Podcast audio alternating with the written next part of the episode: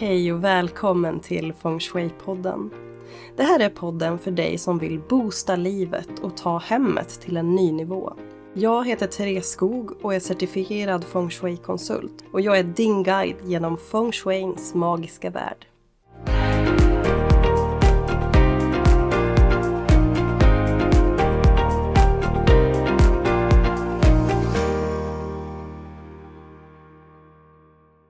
Hej och varmt välkommen till Feng Shui-podden. Jag brukar ju nämna hur Feng Shui på olika sätt har hjälpt mig. Framförallt så gav ju kunskapen mig ganska många verktyg som gjorde att jag tog mig ur ett totalt jävla mörker. Eh, jag upplevde att livet saknade mening och eh, tyckte att allt bestod av meningslöshet, sjukdomar och död och eh, livets baksida helt enkelt. Men genom att jag lärde mig att fokusera på omgivningen och Eh, fick upp ögonen för den här omedelbara effekten som jag upplevde när jag började förändra omkring mig. Istället för att fortsätta grotta i mina tankar och känslor. Det var då jag hittade tillbaks till glädjen. Och livet fick en så mycket djupare mening när jag såg alla de här sambanden mellan det yttre och det inre. Feng shui har också hjälpt mig att hitta och fördjupa kontakten med mig själv. Jag tycker att den här kunskapen har lärt mig att navigera bland mina egna känslor. Det har lärt mig att identifiera olika mål och drömmar och verkligen våga mer. Jag övar dessutom upp med den här förmågan att känna efter med magen och hjärtat. Och jag övar nästan dagligen på att låta eh, logiken ibland få ta ett steg tillbaka. Och det är skitläskigt ibland. Verkligen skitläskigt. Men jag tror att om vi lever och är sanna mot oss själva genom att vi försöker sträva efter att leva på ett sätt som verkligen resonerar med vår innersta önskan så mår vi nog automatiskt lite bättre. För jag tänker att det måste ju vara jättejobbigt att leva ett helt liv utefter ramar som någon annan har bestämt att vi ska leva inom. Självklart ska vi förhålla oss till lagar och regler. Det är inte det jag säger att vi ska gå ut och bli lag, lagförbrytare. Men just det här att vara sann mot sig själv. Att vill du leva som digital nomad, ja men vad fan, satsa, kör! Du behöver inte hoppa av eh, jobb och tåget och liksom kasta dig ut i det fria. Men törs du det? Alltså jag hejar på dig. Men annars kan man ju bygga upp saker i små steg.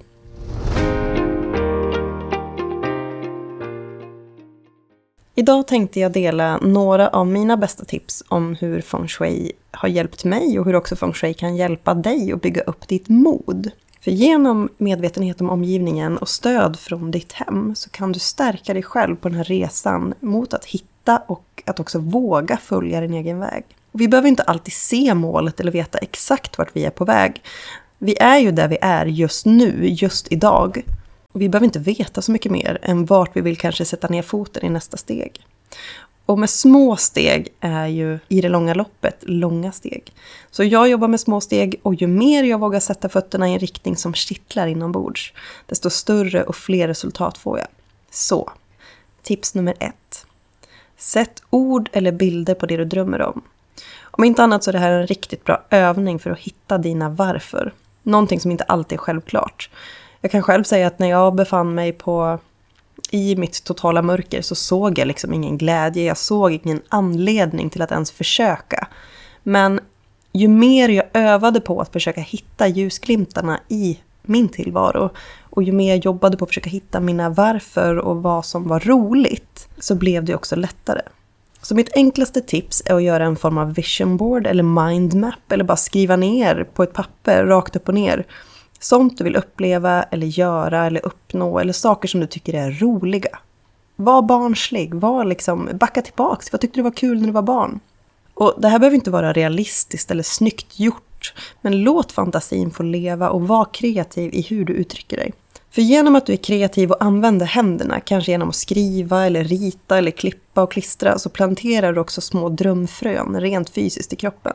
Och det blir lika mycket övning att hitta den här inre kompassen som en övning i att hitta drömmar och nöjen.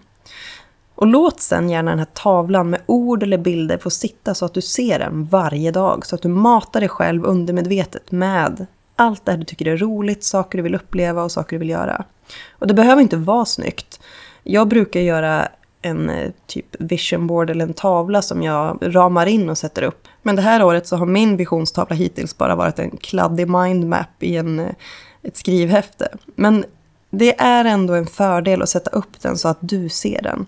Och vill du inte visa den för någon annan, sätt upp den på insidan av garderobsdörren. Någonting du öppnar varje morgon. Eller som en tavla på en lämplig plats där bara du ser. Kanske som en litet eh, vykortsstorlek att ha på kontoret.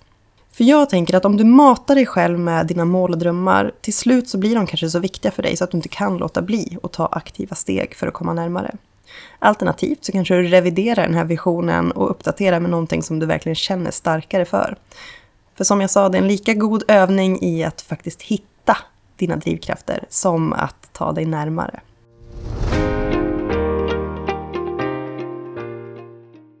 Tips nummer två. Ett av mina favorittips.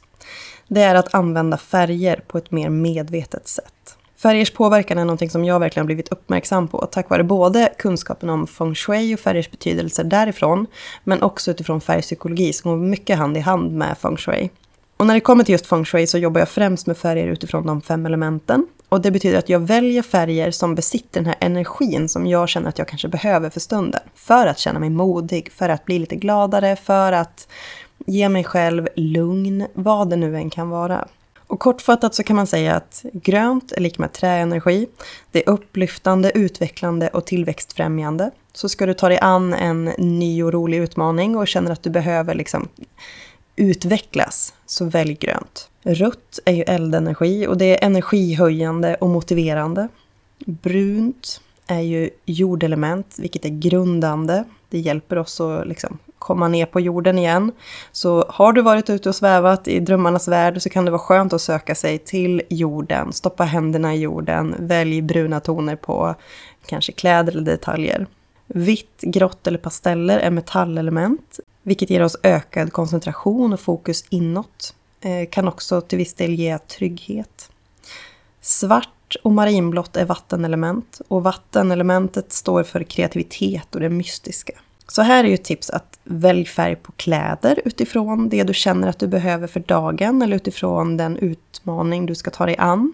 Eller välj färg på detaljer som nagellack eller örhängen eller väskor. Mitt go-to-tips är ju att måla naglarna. Jag älskar att måla naglarna i färger som jag behöver. Ska jag till exempel föreläsa så målar jag den färgen jag känner att jag behöver mer av just då. Ska jag göra någonting som känns eh, svårt, där jag behöver bygga upp mitt mod, så väljer jag gärna rött. Eh, rosa om jag vill känna mig trygg eller tröstad och blått om jag vill känna mig stabil och trovärdig. Gult eller orange om jag vill känna mig glad. Och visst blir man lite gladare när man ser någon som har målat naglarna. Jag, jag, brukar inte gå och titta på folks händer, men ibland så bara lägger jag märke till om någon har en härlig nagellacksfärg så blir jag liksom lite extra glad. Men här är vi alla olika, vilka detaljer vi lägger märke till och vilka detaljer som vi själva föredrar och omger oss med. För jag är ganska feg, jag tycker om att välja kanske svarta kläder eller mörka kläder, för det känner jag mig trygg i. Men på naglarna, där vågar jag gå all in. Och jag ser dessutom mina händer hela tiden, vilket gör att jag påminns om intentionen som jag har någonstans planterat i, min, i valet av färg. Så det gäller att hitta ditt sätt att addera färg. Det viktigaste är att du försöker lyssna till vilka färger som talar till dig och får dig att känna den känslan du eftersträvar.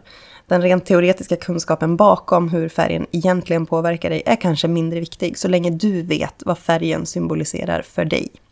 Så imorgon när du klär på dig, välj någonting som eh, ger dig den känslan som du vill känna och förmedla till andra. Och mer om just färg kommer jag att bjuda på framöver. För idag när det här avsnittet släpps så har jag nämligen den stora äran att träffa färgexperten Sara Garanti. Gissa om jag är taggad.